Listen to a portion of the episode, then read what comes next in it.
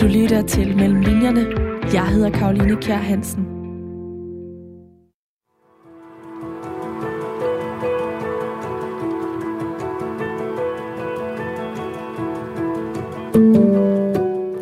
Det lå i kortene, at Francesca Woodman skulle gå af den kunstneriske vej. Med en mor, der var keramiker, og en far, der levede som billedkunstner, var det mere eller mindre forventeligt. Men at hun skulle slå igennem som fotograf på så kort tid, som hun gjorde, havde selv hendes forældre vist ikke regnet med, eller tur håb på. Allerede som 13-årig, da Francesca Woodman fik et kamera i hånden for første gang, skinnede hendes talent igennem. Og selvom hun kun blev 22 år, nåede hun at skabe sig en stor karriere som kunstfotograf. Den her amerikanske unge kvinde, der havde et helt særligt øje for lysindfald og vinkler, og som havde en forkærlighed for kvindekroppen som motiv, er afsættet for og omdrejningspunktet i Christina Englunds roman Slugt. Og fordi det i den her uge har været International Photo Day, altså International Fotodag, det var det mere bestemt i torsdags den 19. august, så er Slugt den roman, jeg i dag dykker ned mellem linjerne i. Rigtig hjertelig velkommen til alle jer, der lytter med til Mellem Linjerne i dag. Det er programmet her på Radio 4, hvor jeg taler med nogle af Danmarks væsentligste forfattere om alle de forberedelser og oplevelser, der ligger før deres bøger de kunne skrives.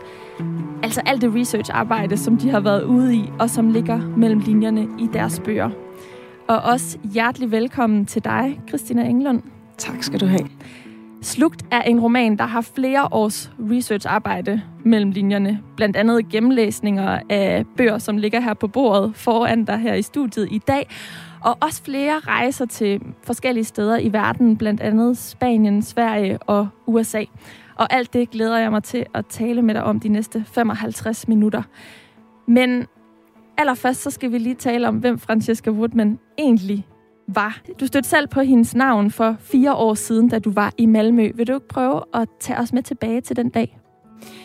Jo, altså jeg var taget over for at se den her, øh, den her fotoudstilling på, øh, på Malmø øh, Museum, eller Moderne Museet i Malmø, øh, sammen med en veninde. Og øh, hun er sådan en, jeg tit kunne finde på at tage på udstillinger med, og der var sådan noget med den her fotograf, som vi var lidt øh, optaget af, uden rigtig at vide, hvad hun var for en. Så jeg kan ret tydeligt huske, hvordan vi sådan kom ind øh, det der sted, og, og jeg faktisk sådan blev temmelig væltet om kul, altså helt fra starten, og bare blev enormt optaget af det der univers, som, øh, som Woodman hun, øh, hun har. Jeg har prøvet at spørge min veninde siden, sådan, om, om hun kan huske, at jeg sådan, med det samme sagde, sådan, det skal jeg skrive en bog om, og det kan hun ikke. Men hun kan godt huske, at jeg var sådan meget væk i det, og, og der var sådan forskellige, der var nogle små film, og der var en masse bøger faktisk også, man kunne kigge i, og der var øh, altså jo alle de her fotografier, som, øh, som, som Woodman altid fik lavet meget små. Øhm, det kan der være mange grunde til, men som man sådan skal helt hen til for sådan rigtig at kunne studere. Der er mange små detaljer i hendes billeder. Mange sådan små øh, elementer. Øhm, så derfor så, så er det virkelig sådan, altså det kan jeg også huske den der fornemmelse af, at jeg sådan skulle helt tæt og nærmest blive sådan suget ind i de der forskellige fotografier. Og hvad fandt du så ud af Francesca Woodman den her dag? Altså, hvem var Francesca Woodman? Jamen i hvert fald var der jo det her med, at hun havde en historie, som, øh, hvor hun var vokset op, som du også beskrev, med de her kunstnerforældre, og der er sådan en fascination af noget sådan gotisk og surrealistisk, og sådan noget tilbageskuende også, fordi selvom hun jo altså, øh, blev født i 58 og var sådan ung i ja, eller teenager jo i sådan øh, 60-70'erne, så, øh, så, så var det sådan noget, altså sådan noget meget sådan, ja, viktoriansk, eller sådan, hun var fascineret af sådan noget, sådan nogle skræmmede vægge, og, og du ved, forrevne mure, og, og tit havde hun sådan nogle, øh, nogle billeder, som sådan, der var enormt meget plads i, eller har nogle billeder, som er, der er meget plads i, og der er sådan meget, der er meget rum, men så de få detaljer, hun vælger ud, er tit sådan noget, som også har sådan en eller anden klangbund i noget surrealistisk eller noget gotisk, altså en handske eller en, øh, ja, nogle gange en paraply, eller sådan nogle få elementer, som så øh, bliver valgt ud. Og så selvfølgelig, som du nævnte, det her med den der mere eller mindre nøgne, og nogle gange også sådan udtværet, sløret kvindekrop, som hun var meget fascineret af at fotografere, og meget ofte øh, var det hende selv, som ligesom var motiv på billederne. Francesca Woodman, hun blev født i 1958 og døde så i 1981. Mm. Og det her gotiske univers, som på mange måder omkranser hendes billeder, gav mig mindelser om Patti Smith. Er det en helt forkert sammenligning? Nej, jeg, jeg tror egentlig, du har ret. Altså, det er jo også lidt det samme område af New York, de i hvert fald har bevæget sig rundt i på et tidspunkt. Øh, og det der meget mere jo smadret New York, end det, som man kan tage til i dag og gå rundt i. Det har selvfølgelig også været lidt en udfordring i forhold til at tage afsted og forsøge sådan at komme ind under huden på den der stemning. Men, øh, men helt klart det der, og jeg, altså nogle af de billeder, jeg også har stødt på undervejs i processen, har også vist den der side, altså sådan, øh, nogle, nogle, sådan, hvor de bare sådan ligger nærmest en flok venner i en seng og kigger på pladecovers, eller du ved, sådan læser en bog og sådan ser enormt dystre ud, ikke? Så der er helt klart sådan en, en ja, sådan en, en lidt sort øh, vibe i det, og sådan en lidt dyster energi også i hvert fald. Men også noget meget lejende og skægt og fjollet, øh, som jeg også efterhånden fik sådan rullet ud, jo mere jeg sådan fandt om hende, og jo flere billeder jeg stødt på. En ting er jo en kunstners værker, altså Francesca Woodmans fotografier, og en anden ting, det er en kunstners personlighed, som du om nogen har skulle prøve at komme ind under huden på ved at kunne skrive øh, slugt, som altså handler om Francesca Woodmans liv. Hvordan var Francesca Woodman som person? Jamen helt fra hun øh, var lille, øh, var hun sådan meget, altså meget selviscenesættende. Hendes far har sagt i et interview, at øh, han, han faktisk ikke rigtig ved, om hun valgte sådan at være, være provokerende, eller om hun bare var det af natur. Og det synes jeg er et, et ret vildt statement, som jeg sådan har skrevet meget på, det der med, at okay, når han ikke engang kan sige, om det var det ene eller det andet, ikke? så siger det meget om, synes jeg, hvordan hun hele tiden sådan eksperimenterede med, hvem hun var, og hvilket udtryk hun kunne have, og hvordan hun sådan kunne sætte sig selv i scene. Altså sådan nærmest så sig selv som en skuespiller i en film, eller øhm, i en eller anden form for rolle, øhm, eller hele tiden prøve roller af. Jeg tror også, hun legede meget med sådan sin femininitet og sin kvindelighed, uden sådan at være decideret feminist, men bare det der med hele tiden at lege med det, som man jo vil kalde the male gaze, eller sådan det der, hvordan undviger man det, eller hvordan øh, leger man med det på en helt anden måde, ved ligesom sådan at, at, at ja, hvad skal man sige, sætte sig selv i scene i de der fotografier hun tog. Øh, og det tror jeg, det, gjorde hun meget tidligt. Øh, samtidig kan jeg også godt se på ting, jeg har læst, og interview, jeg har set og sådan noget, at, at, hun, at hun jo var et, et svært bekendtskab. Altså blandt andet øh, kunne hun finde på at lade, altså hun, nu havde hun det her med, at hun gerne ville fremstille kvindekroppen nøgen, så nogle gange kunne hun sådan finde på at lade, hun brugte tit også sine veninder og sådan noget, sådan, lad dem stå nøgne længe og vente, eller sådan i et koldt atelier og sådan noget. Øhm, eller hun altså simpelthen bare ravet uklar med folk. Der ligger en del breve og sådan noget, hvor man kan se, hvordan hun sådan har undskyldt, eller takket for, at nogen alligevel var søde, eller i hendes dagbogs, øh, de, de, øh, hvad hedder det, uddrag af hendes dagbøger, jeg har fået fat i, hvor man også kan se, at hun hele tiden har de her overvejelser omkring, øh, hvordan hun nu har virket i en bestemt situation, og hvordan hun måske har trådt nogle over tæerne, eller er ravet uklar med dem. Så der har helt klart også været den der side af hende, som har været meget følsom og meget sårbar og meget øh, øh, ja, sådan påvirkelig over for, for stemninger og for ja, relationer. Altså relationer tror jeg har været rigtig svære for hende. Vi har aftalt, at du lige skal læse øh, et lille, en lille passage fra ja. bogen, som ligesom en lille magiterning af, hvem øh, Francesca Woodman øh, var, og hvordan, hun, hvordan du har ligesom lavet hende komme til udtryk i øh, Slugt. Ja, jeg har blandt andet brugt, øh, altså jeg har opfundet, hvad skal man sige, en veninde, som hedder Lydia, som er sådan et, hvad skal man, et sammenkog af forskellige veninder, jeg sådan er stødt på i forskellige interviewer og sådan noget. Så det er hende, der ligesom hjælper hende her. Jeg finder en bøtte med klemmer, sætter dem fast overalt på min krop. September er handskens måned. Berøringens. Aftrykket, der bliver siddende i kroppen længe efter dit hoved på min væg. Ja, for det var ikke alle negativerne, jeg klippede op. Jeg gemte et enkelt, plettet og beskidt, men nu hænger du der. I september bliver jeg optaget af aftryk. Sporene på kroppen, berøringen efterlader. Alle former for spor af hænder, væske. Jeg længes efter at kunne skildre selve øjeblikket, hvor forandringen indtræffer. Berøringens potentielle ødelæggelse, eller velsignelse. Jeg får Lydia til at tegne på mig, hælde ting ud over min krop. Hun forsøger at følge mine instrukser, selvom det ikke altid falder hende lige let. Hun maler en hånd og en arm på tværs af mit nøgne bryst. Det kilder. Godt at lave den slags, mens det stadig er varmt, fniser hun. For min mor gælder kun det rum, der befinder sig inde i hendes beholdere. Og det rum bliver udelukkende interessant på grund af det, der er udenom.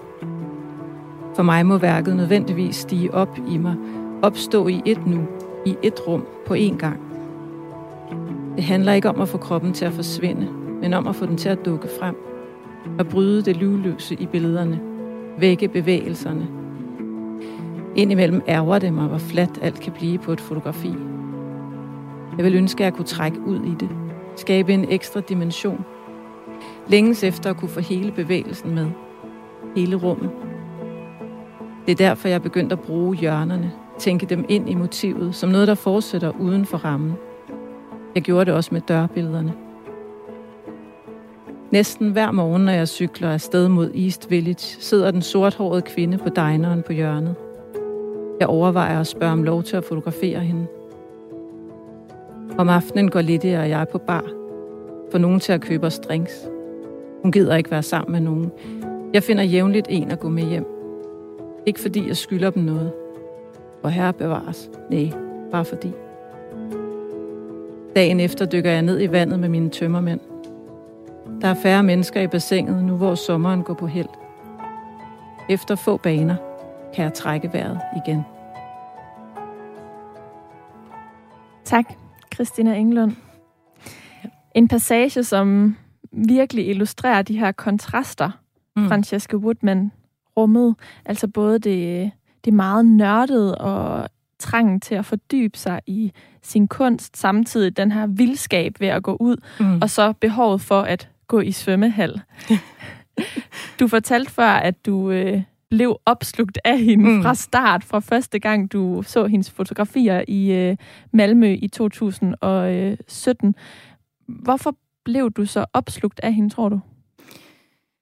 Jeg tror blandt andet, det er det her med, at der er så meget, som ikke bliver sagt. Altså, der er meget mellem linjerne i hendes billeder, må man sige. Ikke? Altså, og øhm, jeg synes, de åbner for så mange fortolkningsmuligheder, og så mange historier, der ligger inde i dem. Hver enkelt billede, faktisk. Og det, det synes jeg i det hele taget er ret fascinerende, når kunst kan det, at det ligesom åbner sig, og selvfølgelig også spejler en masse i ens selv, fordi det var også en del af det, at jeg pludselig kiggede ind i min egen øh, tid som sådan 17, 18, 19 år, øh, da jeg selv debuterede som forfatter, og kom ud i den der verden, og stod og, og med et sådan blev taget alvorligt som, øh, som, som kunstner. Øh, og der var en hel masse i det, som, som jeg også begyndte ligesom at gå tilbage i, og lede i, og spejle mig i. Altså, så der var også sådan en rejse ind i det, altså i, i tilbage i tiden, for mit eget vedkommende. Hele Francesca Woodmans kamp for at slå igennem som kunstner er også øh, en, man kommer ind under huden på ved at læse slugt. Og som du for selv fortæller her, så debuterede du som 17-årig med øh, kortprosa-samlingen øh, Uden egentlig at sove, som udkom i 1992. Du har så siden udgivet både romaner, noveller og digte, og har gennem tiden modtaget en, en lang række priser og legater, blandt andet Statens Kunstfonds treårige arbejdslegat som hvert år kun uddeles til en lille, lille håndfuld øh, af kunstnere på øh, tværs øh, af genre. Den her kamp, som Francesca Woodman, øh, som man som læser får et indblik i, dels fordi hendes forældre er kunstnere, de kæmper også med at bryde igennem, men, men også øh, en form for utålmodighed, fordi mm. hun så tidligt er blevet gjort opmærksom på sit talent og har oplevet øhm, en, en sådan stejl læringskurve. Altså relativt hurtigt har hun lært meget og er blevet anerkendt. Og vi møder hende her som, øh, som 22-årig i en periode, hvor altså, hendes liv står ikke stille, men hun skal lige kæmpe lidt mere. Hun får et afslag på, på øh, et legalansøgning, og, og det er ikke lige frem, fordi galleristerne, de, øh, de altså står i kø for at udstille hende, og når de så gør, så er det fordi, de hellere vil have hendes krop end mm. hendes, hendes billeder. Den kamp har også en bagside øh, for Francesca Woodman. Hun øh, begik selvmord. Mm. Hvordan oplevede du den periode øh, i dit liv? Altså, du var kort inde på det før, men det her med at slå igennem som, som kunstner så tidligt øh, i livet. Jamen, det, det, det er da skrøbeligt. Altså, det er svært, fordi at, øh, jeg tror også det der med, at man oplever, at der er en opmærksomhed, som du også siger, og at, at nogen pludselig tager det alvorligt, det man har lavet, og man er måske slet ikke rigtig selv sådan mentalt, øh, eller ja, man er jo ikke moden øh, på i hvert fald en masse måder, man ikke er moden på. Så det der med så at, at blive efterladt, eller hvad skal jeg sige, efter at man har udgivet en bog, og der har været interview, og der har været opmærksomhed, og så stå der og sådan skulle videre med det. Altså, der er meget ensomhed i de der processer. Og det, det tror jeg også, det har jeg også indtryk af, der har været hos hende. Altså det her med, at at hun ja netop havde fået rigtig meget ros og øh, kom ind på den her kunstskole, Risti, og allerede der var sådan, altså hun, hendes lærer der beskriver hende som bare sådan, hun nærmest kom ind med sådan en rock-stjerne-attitude. Øh, altså hun var, så, hun var så cool, og hun var så færdig, men, men så var der jo bare også den der anden side, og jeg tror, i løbet af det der efterår, som jeg jo har taget fat i, som er de sidste måneder af hendes liv, hvor hun havde været på sådan et meget prestigefyldt øh, kunstnersted, øh, øh sådan refugiested i, øh, i New Hampshire om sommeren, Øhm, og så ind til, til vinteren der, der, der er det helt klart gået ned og bakke for hende, og der har hun øh, først haft et selvmordsforsøg, og så har hun der har været, altså, taget hånd om hende, og familien har ligesom samlet sig om hende og forsøgt at passe på hende. Og da de så har troet, at nu var alt godt igen, jamen, så lykkedes det hende så faktisk at tage sit eget liv. Og det er jo desværre det, der kan ske nogle gange, det der med, at man så, altså, ikke får taget godt nok hånd om, at der er et menneske, som simpelthen er, er, har en depression og har det helt forfærdeligt, og, øh, og hvor jeg tror, at de der skuffelser, hun oplevede, og de her forskellige, at den her følelse af simpelthen ikke at kunne finde ud af, hvordan gebærder jeg mig i den her by. En af hendes veninder beskriver også det der med, hvordan hun simpelthen ikke, hun passede ligesom ikke ind, og det tror jeg da fan, når hun kom der i sine viktorianske kjoler måske, og sine små hatte, og sin overdrevne selv tillid, eller altså sådan den der fornemmelse af, nu kommer jeg bare og fyrer den af, og klar, altså det tror jeg i hvert fald har været en del af det, ikke? og så har det sådan, det har slet ikke været den tid endnu, altså det, det var, øh, der tror jeg, at, at alle de der skuffelser, der ligger i det, har, øh, har, har jo så desværre gjort, altså også fordi hun ikke fik den hjælp, hun så havde brug for på det tidspunkt, hvor det var helt afgørende, ikke? som så desværre gjorde, at det så endte så, så øh, ulykkeligt, som det gjorde. Ikke? Du debuterede så 10 år efter sådan mere eller mindre, ja. at, øh, at Francesca Woodman øh, døde. Hvordan lærte du at gebærde dig i det kunstneriske miljø? Jamen, det tog da rigtig mange år. Altså, jeg kan huske det der med at sidde og, og på en bænk nede ved søerne, og så have nogle venner, der var ved at gå ud af gymnasiet, og jeg var droppet ud, fordi jeg havde fået min første bog antaget, og, og så bare sidde og være sådan, jeg kender ingen, altså jeg kender ingen mennesker, der laver det her, jeg gør. Og det var super mærkeligt. Altså den, den følelse kan jeg virkelig godt huske. Øhm, og så selvfølgelig, så er det jo sådan noget, nu er det jo altså uendelig mange år siden efterhånden, så, så man, man får jo nogle, nogle venner og nogle bekendte og nogle, noget netværk og noget alt muligt i, i, i løbet af, altså og finder ud af måder og og det lyder sådan, som om man er totalt en freak, ikke? men det er man jo også lidt. Øhm, men altså, man, man begynder over at komme steder, hvor der måske er til oplæsninger, kan jeg huske, jeg gik meget til, og til forskellige arrangementer, altså, og så lærer man jo folk at kende, og, og, og det er jo en kæmpe gave også, det der med at få nogle møde nogen, som laver noget, som, som ligesom kender de der processer og ved. Det er jo også noget af det, som jeg har forsøgt at beskrive i, i, øh, i Slugt, at, at hun jo faktisk også knytter sig til nogen, der ikke nødvendigvis lige laver præcis det samme, men som har andre sådan kunstneriske praksiser, som de øh, dyrker. Altså blandt andet en, en pianist, som hun bliver rigtig gode venner med. Og, øh, og det jo, tror jeg også, fordi hun så er vokset op med de der forældre, som i den grad jo har hele den der kunstneriske øh, Øh, optik og praksis hele tiden, øh, som sådan deres verdenssyn, deres religion faktisk, ikke? at det er kunsten, der er det, som er det vigtigste for dem i hele verden. Så det har været hendes vej i hvert fald. Ikke? Øh, så det, ja, jeg tror, at øh, efterhånden, så finder, finder man jo sin vej i det. Men det er, jo, det er jo noget mærkeligt noget at sidde og rode med sådan nogle, med sådan nogle historier der, og skrive sig så meget ind i altså i hovedet på en anden person. Det er en jeg-fortæller, jeg har valgt, og det er, det er, det er ret hårdt altså, at arbejde på den måde, og virkelig sådan skrive sig så langt ind i hovedet på en som, øh, som hende. Lad os prøve at dykke øh, lidt mere ned i, øh, hvordan du har gjort det. Mm. Du lytter til Mellem Linjerne. Jeg hedder Karoline Kjær Hansen. Og hvis du lige er tunet ind på kanalen, så kan jeg fortælle, at min gæst i dag er forfatter Christina Englund. Det er hun, fordi at øh, i den her uge, der har det været International Photo Day. Og Christina Englund, hun udgav tidligere i år en roman, der bygger på en amerikansk fotografs liv. Francesca Woodman er hendes navn, og titlen på romanen er Slugt. Vi har netop talt om, hvordan øh, Christina for øh, fire år siden stødte på Francesca Woodmans fotografier for første gang og blev mildest talt opslugt øh, af hende og Woodmans øh, liv. Og nu skal vi prøve at tale lidt om research-processen bag. Christina, det er din sjette roman, men det er første gang, at du har skrevet en, der tager afsæt i et virkeligt menneskes liv, altså en historisk karakter, der mm. har levet. Hvordan greb du den proces an? Ja, øhm, altså jeg var jo, som vi har talt om, meget sådan fra starten i hvert fald, eller i hvert fald når jeg kigger tilbage, så har jeg øh, helt klart en fornemmelse af, at jeg fra starten tænkte, her er en historie? Altså her er en historie, jeg gerne vil forsøge at dykke ned i, og som jeg gerne vil prøve at skrive. Det kunne jeg mærke der, synes jeg i hvert fald, øhm, en eller anden fornemmelse af. Og sådan, sådan har jeg ikke haft det før på den måde. Altså jeg har ikke haft, øh, man falder jo over alt muligt, man bliver jo inspireret af mange forskellige ting som forfatter, men men jeg har ikke sådan før haft en, en, en person, hvor jeg tænkte, det her, der er en roman i det, og den må jeg skrive. Øhm, så, så på alle mulige måder var jeg jo nødt til at lægge mine gamle vaner, eller mine gamle metoder fra mig, øhm, og, så, øh, og så prøve at gribe det helt anderledes til værks.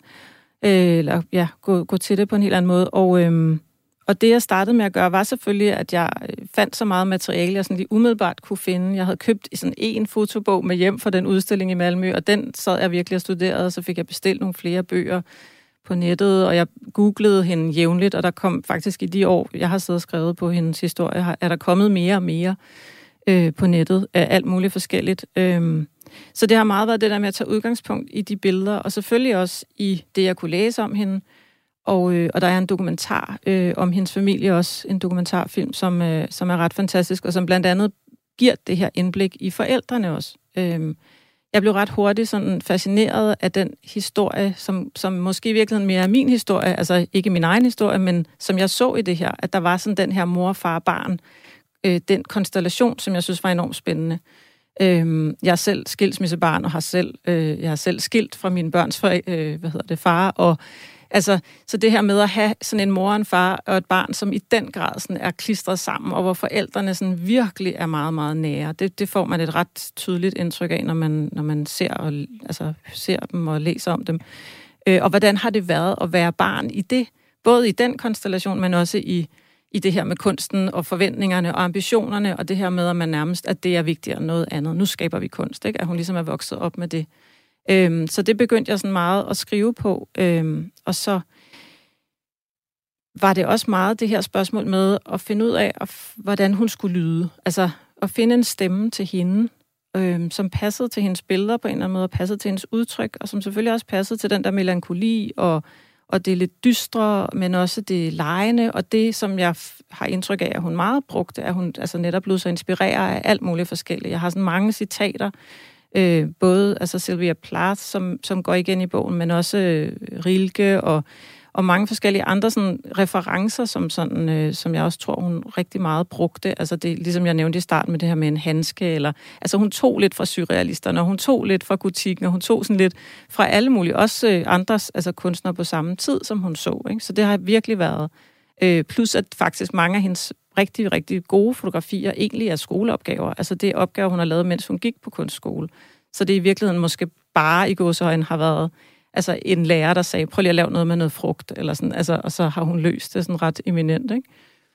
Det her øh, forældre-barn-forhold, øh, fylder rigtig meget, som ja. du selv siger i, øh, i romanen. Og, og man, jeg fik tydeligt indtrykket af, at øh, Francesca virkelig var så den tredje jul i sin forældres, ja. øh, altså i den her relation. Øh, og, og moren også, øh, altså hendes mor Betty, øh, jo nærmest havde en form for sådan jalousi over for hende, mm. eller der var en intern konkurrence omkring farens øh, kærlighed ja. eller opmærksomhed. Der er i hvert fald en stor skævvridning øh, der.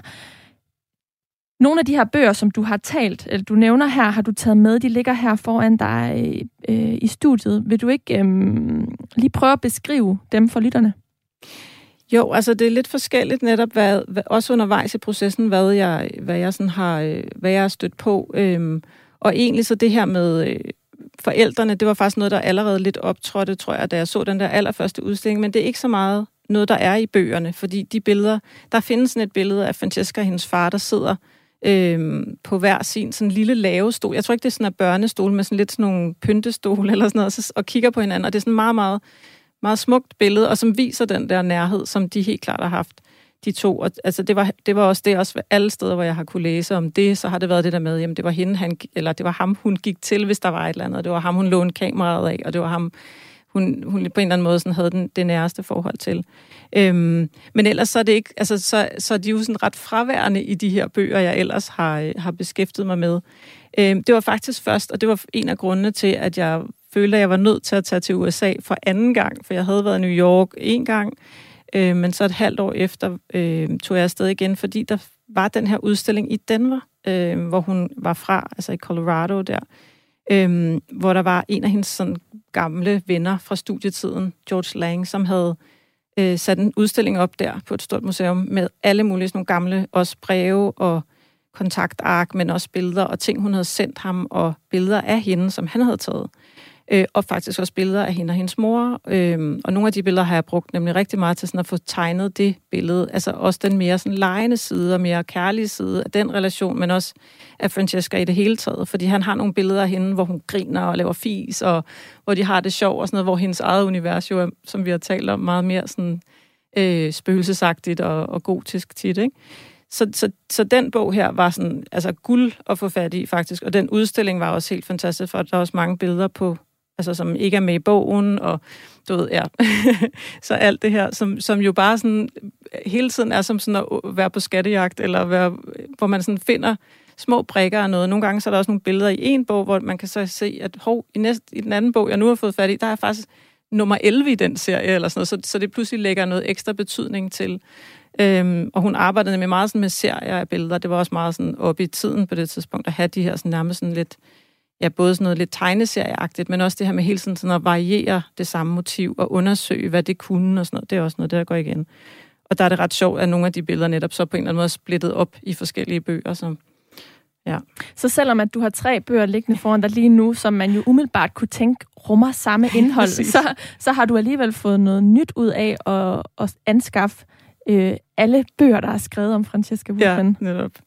Og, de, altså, og tit er der jo så også altså, øh, den ene her, som har skrevet, ham der hedder Chris Townsend, som er sådan en virkelig stor, fin, sådan, øh, ja, det man vil kalde sådan en coffee table bog, ikke? Hvor, der, hvor han blandt andet har skrevet en masse forskellige, men også for, altså forholder hende til tiden og til, til det gotiske, det surrealistiske og til altså, ja, feminisme og alt muligt. Så han, han forholder sig til en hel masse ting i forhold til det, og sætter hende ind i, i, i en sammenhæng, kan man sige. Ikke? Så der er også en masse ekstra der. Og og så samtidig har han så også de her forskellige dagbogsuddrag og sådan noget, breve og sådan noget, som jeg også jo har brugt rigtig meget i processen. Jeg har læst, at du ofte finder inspiration øh, i billeder, når du skriver. Kan du prøve at fortælle mere om, om den proces, altså det at skrive en fortælling frem ud fra et billede? Ja, altså jeg har faktisk altid brugt det øh, som sådan en jamen, som sådan en lille øh, igangsætter, eller hvad man skal sige, fordi når man sidder og skriver på tekst, så kan det jo blive meget sådan inde i ens hoved, og det kan, altså, jeg tror egentlig, jeg er ret visuelt orienteret, eller hvad man skal sige, så, så det der med at have noget helt konkret at kigge på, som man jo så kan transformere til hvad som helst. Altså man kan jo tage et fotografi, eller et postkort, eller et maleri for den sags skyld, eller en scene i en film, eller noget, og så skrive det om til at blive noget, der passer ind i ens egen historie på alle mulige måder så man slet ikke ligesom kan genkende, hvor det kommer fra, eller ikke ved, hvor det ligesom er. Øhm, og så, så er det bare, synes jeg, det der med, at man får så meget fra ærerne, som man ikke nødvendigvis havde tænkt, øh, når man sad og skrev. Ikke? Altså, hvordan ser der ud i et rum? Hvad står der på den der lille hylde op over badekarret? Øhm, hvordan er lyset? Altså alle mulige forskellige ting. Og alt det skal jo ikke nødvendigvis med, men noget af det kan, synes jeg, bidrage til noget i en tekst. Ikke? Og i Francesca Woodmans tilfælde gav det så også mening, fordi hun ofte lavede selvportrætter steder, hun opholdt sig. Præcis, og jeg har gjort det jo, altså jeg har gjort det, at jeg både har brugt øh, det at tage billeder og ligesom vise processen, sådan så jeg har scener i bogen, der viser, hvordan forskellige af hendes fotografier er blevet til. Hun har blandt andet noget, hvor hun sådan har eksperimenteret meget med sådan at brede noget, som jeg tror må være mel ud over gulvet, og så lægge sig i det og lave silhuetter og sådan, altså på alle mulige måder øh, arbejde med det, men, og den scene har jeg for eksempel skrevet, hvor, hvor hun ligesom, hvordan, hvordan munden den er blevet til. Men det har selvfølgelig også været det der med simpelthen at forsøge at skrive mig ind i øh, det her med badekar, blandt andet, der er et fotografi, hvor der er en, der ligger i et badekar, det har jeg brugt til en scene, hvor hun så ligger, altså, så det ikke nødvendigvis har været alt sammen skabelse, men, men lige så meget også stemninger og situationer fra hendes liv. Og noget andet, du har fundet ud af ved at læse de her bøger, det er jo også den her øh, kunstneriske praksis, du har skulle skrive dig ind på. Altså en ting er at være, lade la fantasien øh, få frit løb ved at se på et billede. En anden ting er så at skulle skrive om det at tage fotografier og fremkalde dem som jo, fordi det, vi skal lige huske at sige, det er altså ikke at, altså det var i 1980, så, ja. så det er ikke at tage et spejlerflexkamera i, i dag, tage et billede og rigtig mange billeder, redigere dem og, øh, på sin computer. Det er at stå i mm. det grønne badeværelse, som er hendes mørkekammer, der, derhjemme og, og fremkalde de her billeder meget nænsomt. Øhm, og det er også noget det, du har fået ud af ved at læse de her øh, kunstner- eller fotobøger. Ja, altså det, det har jeg jo i hvert fald, det har i hvert fald gjort, at, at jeg er blevet rigtig nysgerrig på det. Mange steder er der, som jeg også sagde, øh, altså kontaktark med, og man kan se, hvordan hun sådan ligesom har valgt ud, og hvordan hun er, er gået til det her arbejde. Men, øh, men det har jo så også gjort, at jeg har været nødt til at researche på det, og finde ud af, altså tale med folk om, hvordan, hvordan fremkaldte man dengang? Hvordan var det lige, man gjorde, når man stod i et mørkekammer? Øh, jeg har selv kun prøvet lige at snuse til det, og jeg har aldrig selv fremkaldt filmene, altså så jeg har gået ned i en fotobutik og har fået, eller sådan, ikke? Så, øh, så det der med at forstå præcis også, hvor, hvor vildt sårbar en proces det jo har været. Altså også bare, om man har fået opbevaret, opbevaret filmene rigtigt, og om man så giver dem præcis det lys, de skal have, eller får det ødelagt, eller ja, om de er blevet ødelagt undervejs, øh, under transport, og sådan, altså sådan nogle ting. Det er ikke noget, jeg har skrevet enormt meget ind i bogen, men det har jo skulle ligge om bagved som hele tiden som en del af det, som har, har været hendes overvejelse. Også bare sådan noget med, okay, jeg prøver lige med noget tyndere papir, eller sådan noget, ikke? Mm. Ja. Og, og hvem har du fået hjælp til? at det ud over øh, kunstbøgerne? Jamen, jeg har blandt andet haft øh, en fotograf, der hedder Claus Holsting, til at læse igennem, og også sådan under, altså, til sidst i processen, fordi det er, sådan, det, det er sådan, jeg normalt gør. Altså, nu har jeg ikke før skrevet om, om virkelige personer, men jeg har jo skrevet om virkelige ting før, og, og jeg, jeg, jeg arbejder bedst ved ligesom at forsøge at forestille mig, altså ligesom, fordi det er også noget af det, der driver mig ind, ind, in, i skriften, tror jeg, altså i en i en bog, en roman, det her med, jamen, kan vide, hvordan det må være at opleve det her, eller hvordan må hvis, eller sådan. Så det har tit været det, der sådan har hævet mig ind i en historie. Og så plejer jeg egentlig at skrive, og så tjekke bagefter, altså få nogen til at læse igennem, kan det her virkelig lade sig gøre? Kan det passe, at...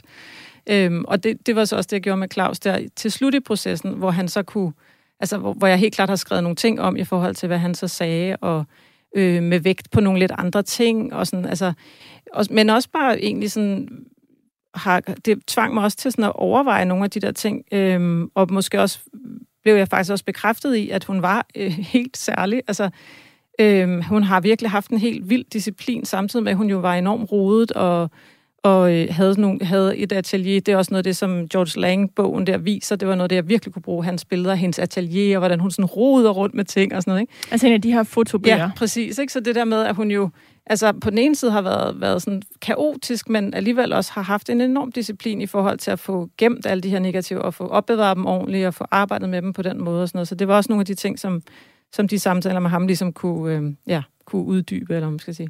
I romanen er der også rigtig mange af de her øh, scener, vi får et indblik i, hvordan Francesca Woodman arbejdede dels ved at fremkalde øh, de her fotografier, men også hvordan hun fik idéerne og prøvede at føre dem øh, ud i livet. Og øh, vi har aftalt, at du lige skal læse en af de scener højt. Ja.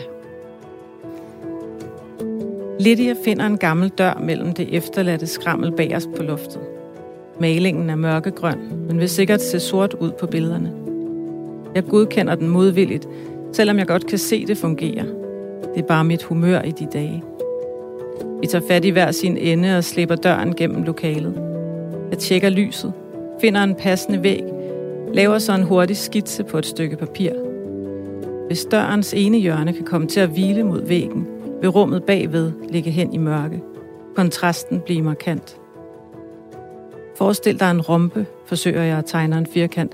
Sådan her. Den skal ligesom svæve. Jeg må lave et par tegninger mere, før hun så småt ser det for sig. Lydia har altid haft svært ved at følge mine tanker om billedernes geometri. Som en dør til et værelse sejlende frit i rummet, insisterer jeg. Vi bakser længe med at få den til at stå på højkant. Lydia gør hele tiden det modsatte af det, jeg beder om. Jeg frygter, at lyset når at flytte sig, før vi er færdige. At både væg og gulv vil blive mørke. Jorden kalder Lydia, udbryder jeg. Hvad er det, du ikke forstår? Men så er der andre dage, hvor hun pludselig sætter sit hår på en særlig måde. Blødt og løst, så de mørke lokker indrammer hendes ansigt. Måske har hun lagt noget på bordet. Den store konkylie, min far havde med hjem fra Italien engang. Eller en blomst. Måske har hun rykket et spejl ud fra væggen, eller stillet et fad på gulvet med noget andet i, hun ved, jeg skatter højt. Så kan hun sætte sig til rette, helt roligt, lægge armene mod bordpladen, kinden mod armen, og med et ligne en drøm, jeg er sikker på, jeg selv har haft. Det er det, visker jeg. Jeg ved det, siger hun, uden at bevæge hovedet. Hent nu bare det kamera. Hent nu bare det kamera. ja.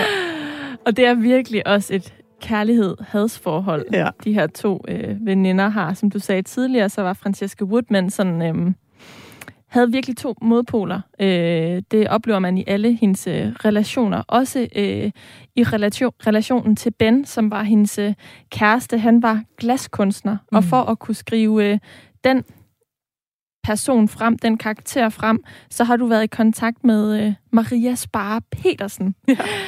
Udover også at tale med, øh, med Claus Holsting, fotografen, så har du talt med den her glaskunstner, og hun er altså ikke en hvilken som helst øh, glaskunstner, fordi hun har været helt præcis det sted, McDowell... Øh, Nej, hun har været på Risti, faktisk. Okay, på ja. Risti. Hun har været på, øh, den her, på den her kunstnerskole, som, mm. øh, som Woodman også gik på. Mm. Hvordan kom du i kontakt med hende? Jamen, det er jo det gjorde jeg, for, fordi hun er min kusines gamle veninde, og så fordi jeg for, for mange år siden havde været på sådan et julemarked, hvor jeg havde købt sådan en lille glas dims af hende. Og den havde jeg gemt, og den havde jeg stillet øh, foran mig, da jeg begyndte at skrive på den her historie og kigget på mange gange, og den spiller faktisk også en rolle i bogen nu, den der, det er sådan blevet sådan en pindsvin, eller sådan som, som Ben. pindsvin. Ja, sådan som Ben forærer, for det viser sig, det er sådan, når man laver sådan lidt en fejl, fandt jeg jo så ud af, og sådan, når sådan en form ikke rigtig vil, så bliver den sådan lidt skævvreden.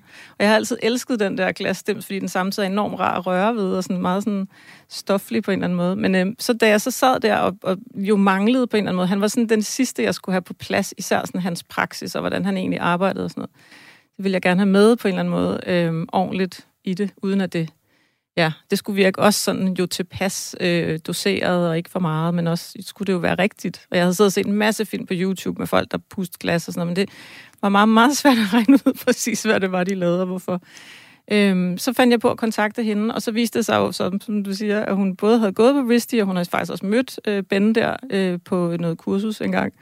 Øh, og så kunne hun jo fortælle en hel masse øh, om den amerikanske glastradition, som er helt anderledes end den europæiske, og ja, om hvordan det der pindsvin, glaspindsvin var blevet til, og alt muligt andet. Så, så, ja, og så har hun selvfølgelig også kunne læse de passager igennem, som, som så beskriver det her glasarbejde, så hun også kunne sige god for, at... Altså, for, og sådan er det jo.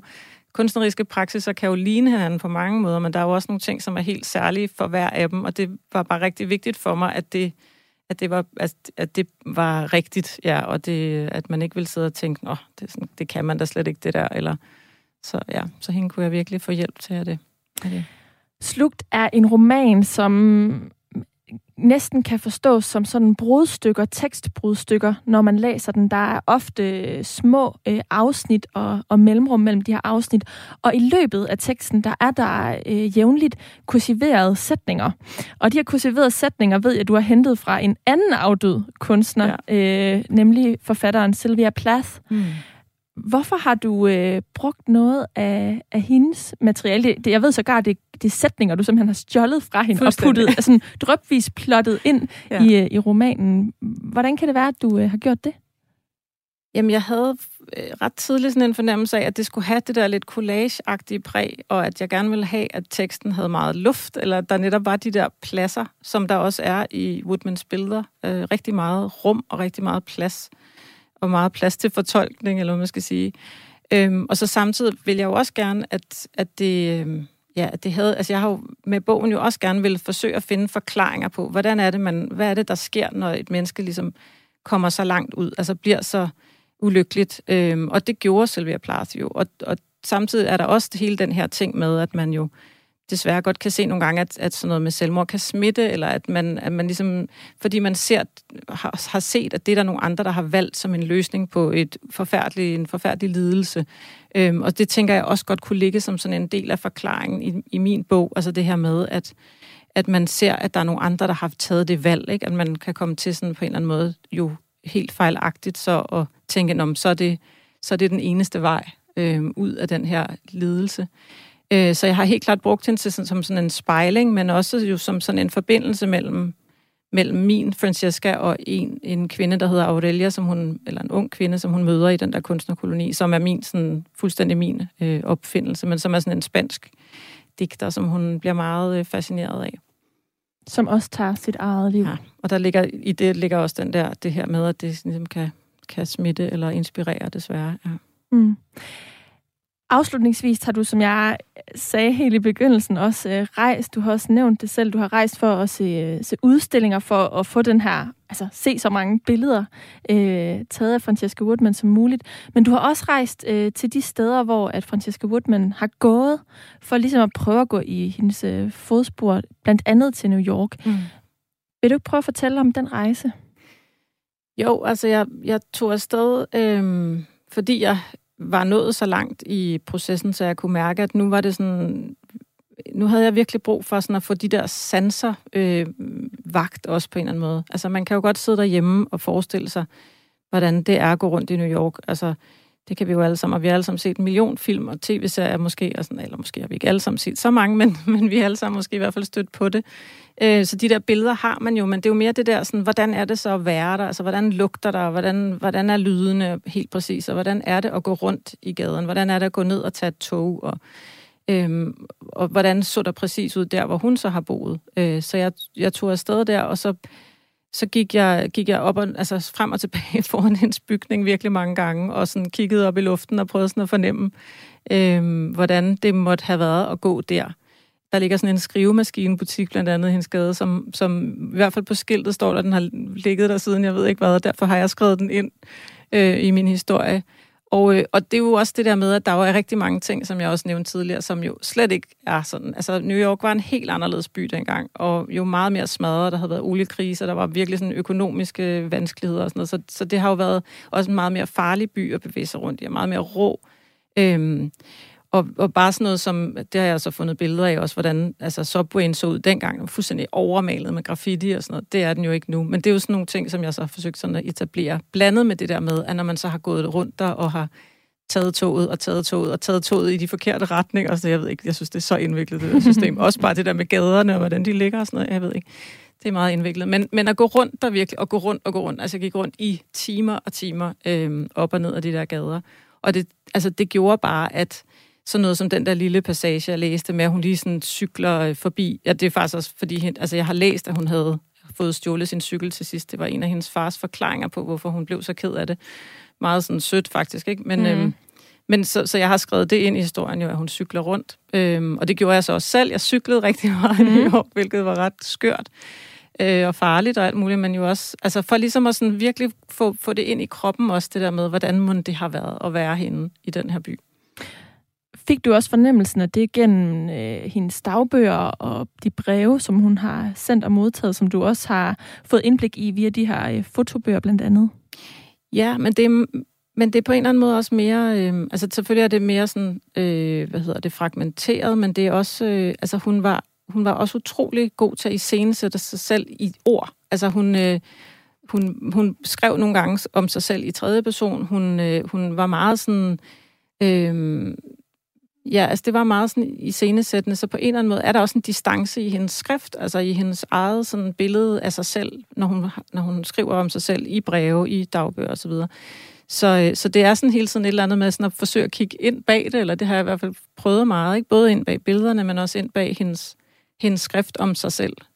Sådan en måde at prøve sådan at hacke hende på, eller komme ja. ind bag huden, ved så at prøve at gå de steder, ja, altså de skridt, hun helt konkret har taget. Ja, og så virkelig sådan forsøge at stykke alle de der forskellige dele sammen til et eller andet, som så måske er ja, i hvert fald et nuanceret billede, et mere nuanceret billede, end mange gerne har ville øh, tegne af hende, ikke? fordi hun tit er blevet reduceret til de der dystre billeder, eller sådan det, det triste og sådan.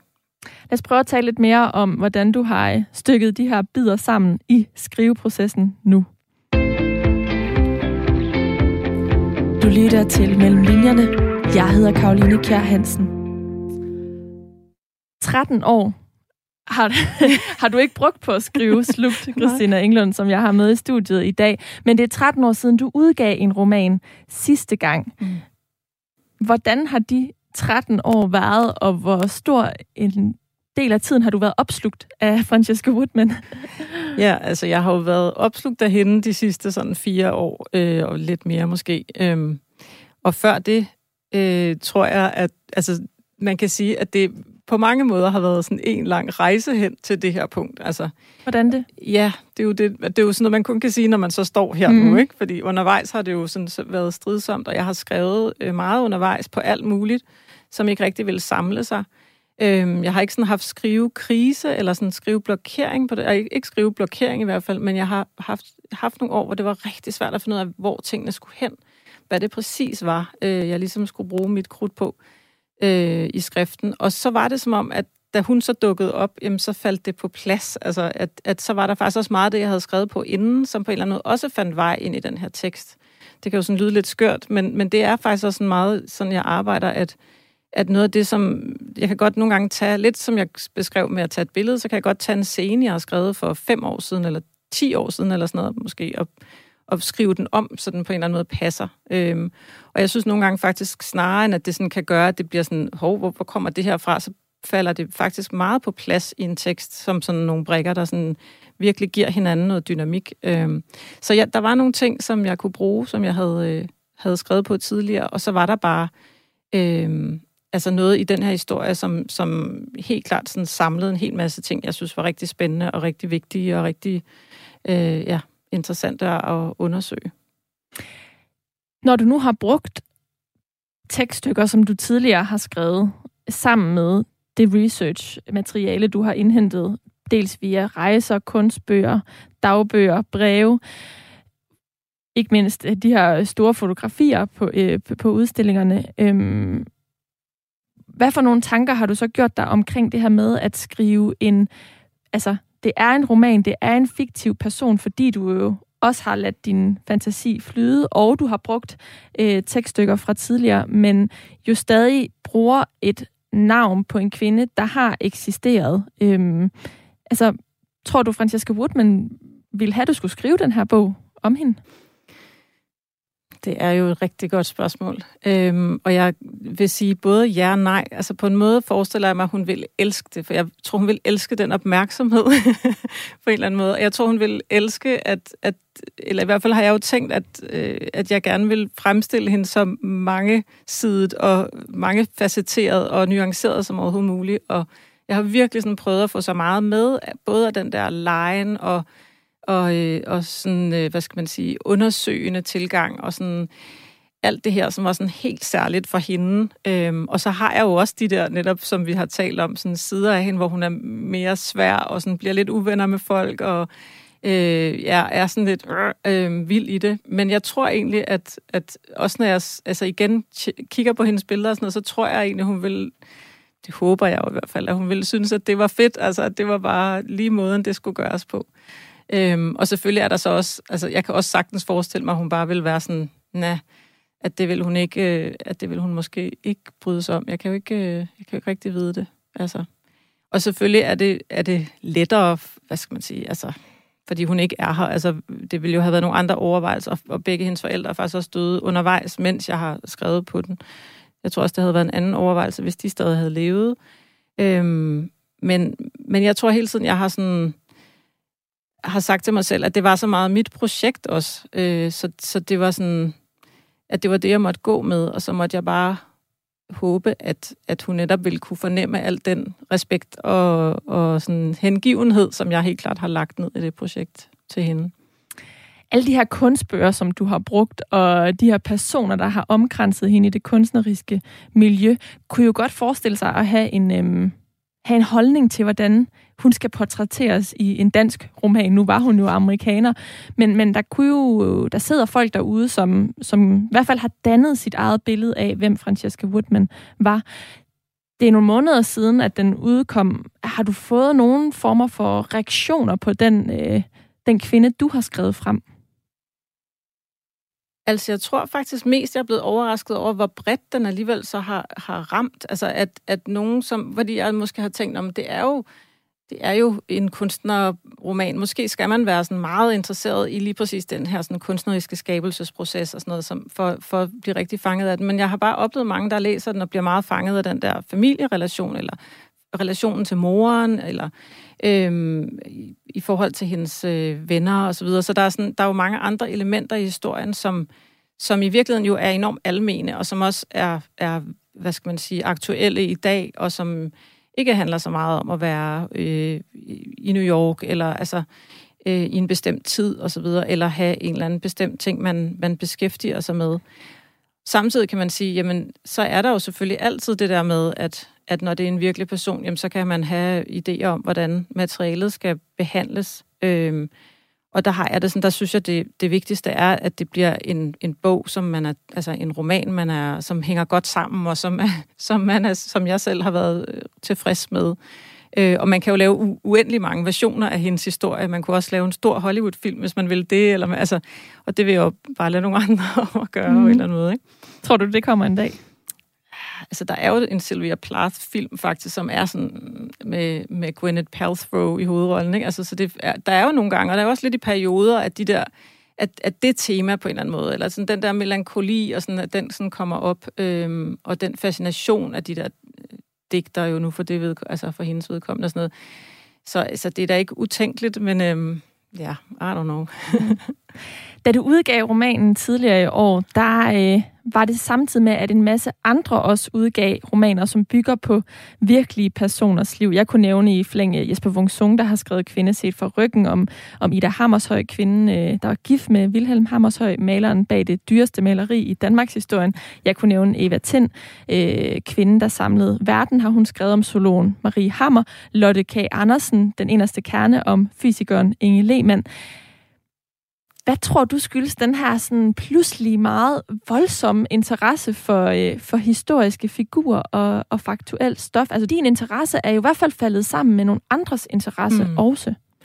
Jeg ved, jeg ved det ikke. Altså, det er jo så sjovt, når det er nogle der ting netop, altså, at tendenser i tiden, hvad er det, som man dumper ned i? Ikke? Fordi jeg har ikke anet, at der sad øh, alle mulige andre skrev øh, på den måde om, om virkelige personer øh, på samme tid som mig. Og, øh, og jeg, jeg ved simpelthen ikke, altså, hvad det præcis er. Det, det er jo måske noget med så, at... Øh, fordi der er i hvert fald mange kvinder i de her, ikke? Og der er selvfølgelig sådan en eller anden form for øh, hiven øh, glemte kvinder øh, frem i, af historien, ikke? Og give dem en... Øh, altså et liv og en stemme og et ansigt. Øh, og det synes jeg jo er alt ære værd. Det synes jeg er super spændende, også fordi det er jo nyt, kan man sige. Altså der er jo bare en masse nyt materiale at gå til, og en masse fede historier at fortælle. Og der er en eller anden form for sådan idealistisk projekt i det mm. også, eller sådan, ikke? Øh, men jeg ved ikke, altså dengang jeg debuterede, der, der faldt jeg ned i sådan en, en kort prosa øh, øh, tendens, altså det som Bugdal kaldte riddersport-teksterne, som var sådan nogle små kvadratiske, og jeg, jeg ved ikke, jeg havde bare, jeg ved ikke, jeg skrev så sådan nogen, og så var der sådan nogle andre, der også skrev sådan nogle kort. Altså, jeg ved det ikke. Det er, det er spændende, hvordan ting... Altså, der er jo sådan et eller andet, hvor ting nogle gange bare falder sammen, eller sådan, der er et eller andet, som gør, at nå, så blev det bare lige sådan. Også mm. når mhm. man researcher på en bog, og så ramler man ind i ting, så er der lige et tilfælde, at nogen lige har været det sted, man har brug for at vide noget om, eller altså sådan noget, ikke? Jeg ved det ikke. Men det er jo i hvert fald første gang, at du har gjort det. Ja. Øhm, og spørgsmålet er, om du har lært noget særligt i den her proces, altså det her med at arbejde med, med en, en historisk person på den måde, fiktionalisere hende øh, og researche på den måde, du har gjort. Har du det? Jeg synes, jeg har lært rigtig meget af det. Jeg synes også, jeg har lært, at det er, altså, eller fundet ud af, jeg har oplevet, at det er en rigtig spændende måde at arbejde på, og man jo får meget forærende i det. Øh, men det er jo selvfølgelig også, der er også mange øh, bindinger i det, eller ting, som, hvor man så kan tænke netop, præcis som vi talte om lige før, altså kan jeg det, og kan jeg tillade mig det, og hvor meget kan jeg, hvor langt kan jeg gå, hvor meget kan jeg tillade mig at digte til, og hvor meget kan jeg bruge mig selv i det, og så videre. Øh, så jeg synes, det har, jeg har lært, at det, at det er en, en rigtig, rigtig sjov og spændende måde at arbejde på. Øh, og jeg kunne sagtens finde på at gøre det igen, men det kræver også virkelig, kan jeg mærke, en helt særlig, øh, altså helt særlig person. Øh, Hvilken person er det? Jamen, hende. jeg vil gerne bare skrive om hende igen. Okay.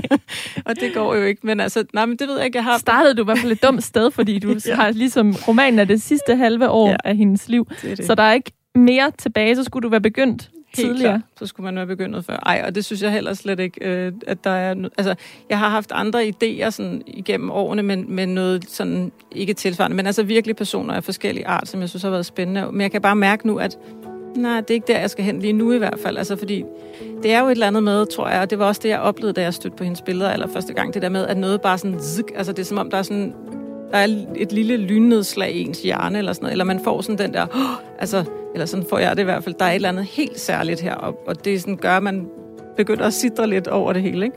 Og sådan har jeg haft det, også hver gang jeg har fundet nye ting om hende, eller er stødt på et eller andet, eller når tingene sådan har samlet sig og har givet mening, eller noget, jeg havde skrevet, som jeg sådan havde, havde gættet mig til, det viste sig faktisk næsten at være rigtigt, og, eller sådan, sådan ting undervejs.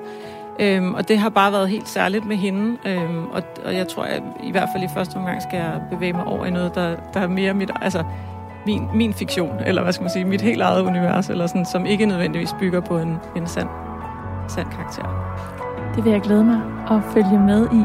Forfatter Christina Englund, tusind tak, fordi du vil være med her i Mellem Linjerne på Radio 4 i dag. Selv tak. Og jeg vil også sige tusind tak til dig, der har lyttet med. Mit navn det er Karoline Kjær Hansen, og det her det var programmet Mellem Linjerne, som handler om alt research-arbejdet bag og mellem linjerne i de bøger, som nogle af Danmarks væsentligste forfattere skriver. I dag har vi talt om uh, det research-arbejde, der ligger mellem linjerne i romanen Slugt, som handler om fotografen Francesca Woodman. Vi har blandt andet talt om, at hun begik selvmord som 22-årig, og derfor vil jeg lige understrege, at der altid er hjælp at hente hos Livslinjen på 70 201 201, hvis du går rundt med tanker om den slags. Jeg er tilbage igen i næste uge, hvor en ny forfatter gæster programmet. Indtil da, der kan du finde hele episoden her og en masse andre som podcast på radio4.dk i vores app eller i din foretrukne podcast-app. På genhør.